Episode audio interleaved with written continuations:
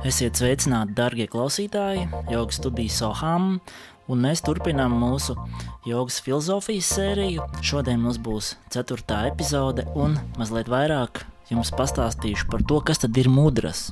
Neverbālā komunikācija ir būtiska mūsu ikdienas komunikācijas sastāvdaļa. Mēs izmantojam visdažādākos žestus, grimases, lai izteiktu savas domas, sajūtas, emocijas un citus procesus. Nu, kad esam nikni dusmīgi, mēdzam savilkt rokas dūrēs, kad lūdzam, savienojam plaukstas, kad cenšamies pārliecināt, paceļam rokas un aktīvi žestikulējam. Bet, kad esam beidzot vienojušies, tad rokas rāda ok žestu. Tie visi žesti, kas pastiprina mūsu vēstījumu. Nu, par žestiem jogā mēdz dēvēt mudras. Tās tiek uzskatītas par spēcīgiem un pat transformējušiem rīkiem, kas spēj ietekmēt gan noskaņu, gan attieksmi, gan uztveri, pastiprināt koncentrēšanos un vērīgumu. Vienlaicīgi mudrs ir arī ar terapeitisku ietekmi, kas var būtiski izmainīt to, kā mēs jūtamies un kā darbojas mūsu organisms, dziedzeri, orgāni un tam līdzīgi. Mudrs var mazināt vai pat novērst daudzas fiziskas un psiholoģiskas saslimšanas. Tad pa mudru izcelšanos. Kopš seniem laikiem mudru tehnikas tika uzskatītas par ļoti mīklainu zinātni, kuru cieši sargāja gan senie jogi, rišī, svētie un mistiķi. Nonākot īpaši dziļos meditatīvos stāvokļos, viņi pamanīja, ka rokas, galva un dažkārt pat viss ķermenis pats no sevis ieņem noteiktas pozas. Viņi novēroja zināmu kopsakarību starp apziņas stāvokli un ķermeņa pozām. Par to var pārliecināties jebkurš jogas praktizētājs, kurš ir spējīgs iegrimt zināmā meditatīvā stāvoklī. Vienā brīdī rokas pašas ieņem konkrētas pozas vai mudras. Mugura un galva iztaisnojas pati no sevis, un noteikti citas līdzīgas eh, lietas un procesi. Savukārt tie cilvēki, kas ir piedzīvojuši šakti pat, jeb enerģijas transferenci no guru, atklāja, ka jogas prakšu laikā šaktī tas ir dzīves enerģija, ja prana pati vada ķermeni, un tas ieņem dažādas neparastas vai dažkārt ļoti konkrētas jogas, asanas, ja pozas, kas savā būtībā arī ir tās pašas mudras. Ļoti daudz mudru tehnikas ir aprakstītas dažādos tantru tekstos, piemēram, Nijasa sistēma, no kuras cēlusies slavenā joga nīdras tehnika. Nijasa ir tehnika, kurā praktikants pieskarās dažādām ķermeņa vietām, rokām, skaitot dažādas mantras, tādējādi atmodināt smalko enerģiju savā ķermenī. Kā jau visas jogas prakses, arī mudru prakses ir jāpraktizē, lai pieredzētu efektu. To iedarbību nevar īsti novērtēt ar intelektu palīdzību, dažkārt pat intelekts un pārāk racionāla pieeja tam var traucēt. Lai sajustu mudru efektu, tās ir jāpraktizē ilgu laiku un jāuztrenē smalkā uztvere par mudrām un enerģijas kanāliem. Mudru iedarbības organismu var labāk izprast, atceroties par nadiju, jeb smalko enerģijas kanālu sistēmu esamību mūsu ķermenī. Spiežot pirkstus un citas ķermeņa daļas, mēs ietekmējam enerģijas plūsmu, līdzīgi kā tas notiek akupunktūrā. Piemēram, savienojot īkšķi ar rādītāju pirkstu, notiek enerģijas noplūdes novēršana, jo rokas ir tā vieta, kur visvairāk enerģija, ja prāna pamet mūsu ķermeni. Otra lieta, kas notiek, ir katrs šis nadīja kanāls ir saistīts ar konkrētu orgānu vai orgānu sistēmu. Rezultātā šīs enerģijas atgriežas sistēmā un stiprina konkrēta orgāna veselību. Trešā lieta, kas notiek, ir pieaugot enerģijas līmenim, pieaug arī spēja ietekmēt un nomierināt prātu, jo viens no nemierīga prāta iemesliem ir zemais kopējais enerģijas līmenis. Piemēram, ir mudra saukta par šanmukī mudra, kurā ar rādītāju pirkstiem tiek aizklātas acis, Šajā gadījumā enerģijas noplūde no acīm samazinās, klāt nāk uh, enerģija no pirkstiem, kas nonāk atpakaļ acīs un jūtami tās enerģizē. Šo prakšu rezultātā, jeb šīs prakses rezultātā, var pat uzlaboties reze. Par dažādām citām mudrām mēs tūlīt pat arī vēl parunāsim, pirms tam vēl tikai pieminēšu, ka mudras var iedalīt uh, vairākās grupās, piemēram, roku mudras, galvu mudras, ķermeņa mudras, ķermeņa pozas un bandhas, jeb atsevišķu ķermeņa daļu saslēgšana, jeb apzināta sasprindzināšana.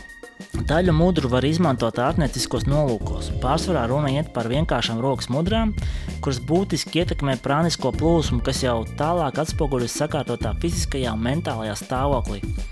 Tālāk aplūkosim vairākas mudras, kuras varam iekļaut savā jogas nodarbībā un uzlabot gan koncentrēšanās spējas, gan veselību. Nu, vienu jau mēs pazīstam pēc Soham Facebook lapas, kas uh, jums arī šķiet patika, spriežot pēc reakcijas uz šo te postu, tad Hridāja mudra, kas tulkojas kā smalkās sirds žests, Smalkās jau runa iet ne tik daudz par fizisko sirdi, cik par apvidu, kurā bez fiziskās sirds atrodas arī praniskā telpa, ja praniskais centrs, ko jogo sauc par anahata čakru. Hridāja apzīmē visu šo apvidu, sauktu par smalko sirdi.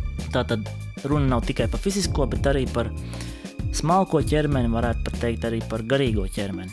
Šī mudra stiprina un virza prana enerģiju uz sirdi, kā rezultātā varam piedzīvot nomierinošu efektu un sirdsāpju mazināšanos. Tas notiek, jo vidējais pirksts un radītāja pirksts ir cieši saistīti ar prānas kanāliem, kas pat taisno plūs no sirds. Savukārt īkšķis darbojas kā šīs enerģijas bloks un tādējādi virza prānas plūsmu atpakaļ uz sirdi. Citiem vārdiem sakot, prāna, kas no sirds aizplūst uz pirkstiem un tad tālāk ārā no ķermeņa, tiek noturēta un virzīta atpakaļ. Katreiz, kad ir kāds lielāks krēķis vai sirdsāpes, šī mudra jūtama nāk talkā. Sirds ir arī emociju centrs, ka netiekat galā savām emocijām, vienmēr atcerieties par šo te hridāja mudru. Tad hridāja mudru izpaužās e, šādi. Radītāja pirksts pieskarās īkšķa pamatam, savukārt ar īkšķi pieskaramies vidējam un gredzenu pirkstam. Mazo pirkstu izstiepjam uz priekšu, un šādā veidā turam abas rokas. Šo te sauc par hridāja mudru. Jebkura rokas mudra, ko lietojam meditācijā vai pranajāmas nodarbībā, ir veidota tā, lai enerģijas plūsma tiktu cirkulēta atpakaļ ķermenī un nenotiktu lieka enerģijas noplūde. Tas rezultēsies paaugstinātā enerģijas līmenī, pastiprinātā koncentrēšanās stāvoklī, vērības pieaugumā un iekšējā miera pieredzē. Arī sēžot ar sakrustotām kājām, kas savā ziņā arī ir mudra, jeb nu šī gadījumā asana, mēs šīs enerģijas noturam un neļaujam šīm enerģijām aizplūst uz kāju rajonu, kas jogā skaitās, nu, ja tā var teikt, dzīvnieciskās enerģijas, ir dzīvnieciskās attīstības vieta, ja tā var teikt. Citiem vārdiem sakot, šī enerģija, kas aizplūst kājām, nav izmantojama garīgām praksēm, tāpēc sakrustotām kājām mēs enerģiju noturam un virzam uz augšu, uz galvu. Pa citām mudrām Vēl viena slavena mudra, ko droši vien visi zina, kas praktizē jogu, ir šamhavī mudra, kad ar acīm veramies punktā starp uzacīm. Stimulēts tiek centrālais kanāls, centrālais prānas kanāls sušumna, kas uzreiz ietekmē un aktivizē šo te aģiņas čakru, kuras uh, projekcijas punkts atrodas starp uzacīm. Pati čakra atrodas galvas vidū.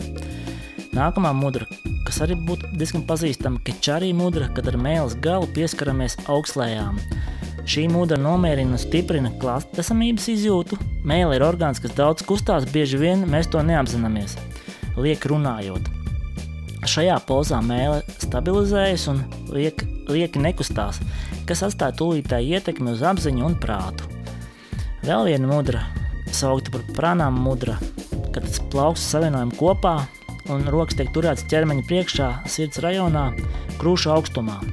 Gluži tāpat kā rokas tur kristieši lūdzot Dievu. Šī mudra aktivizē līdzsvaru un mieru, harmonizē kreisās un labās smadzeņu puslodes koordināciju, ietekmē prātu, tas kļūst fokusēts, kluss un tukšs no domām. Vēl mēs varam pieminēt tatva mudras. Tatvas ir smalki elementi, no kā ir veidots visums, un arī mēs.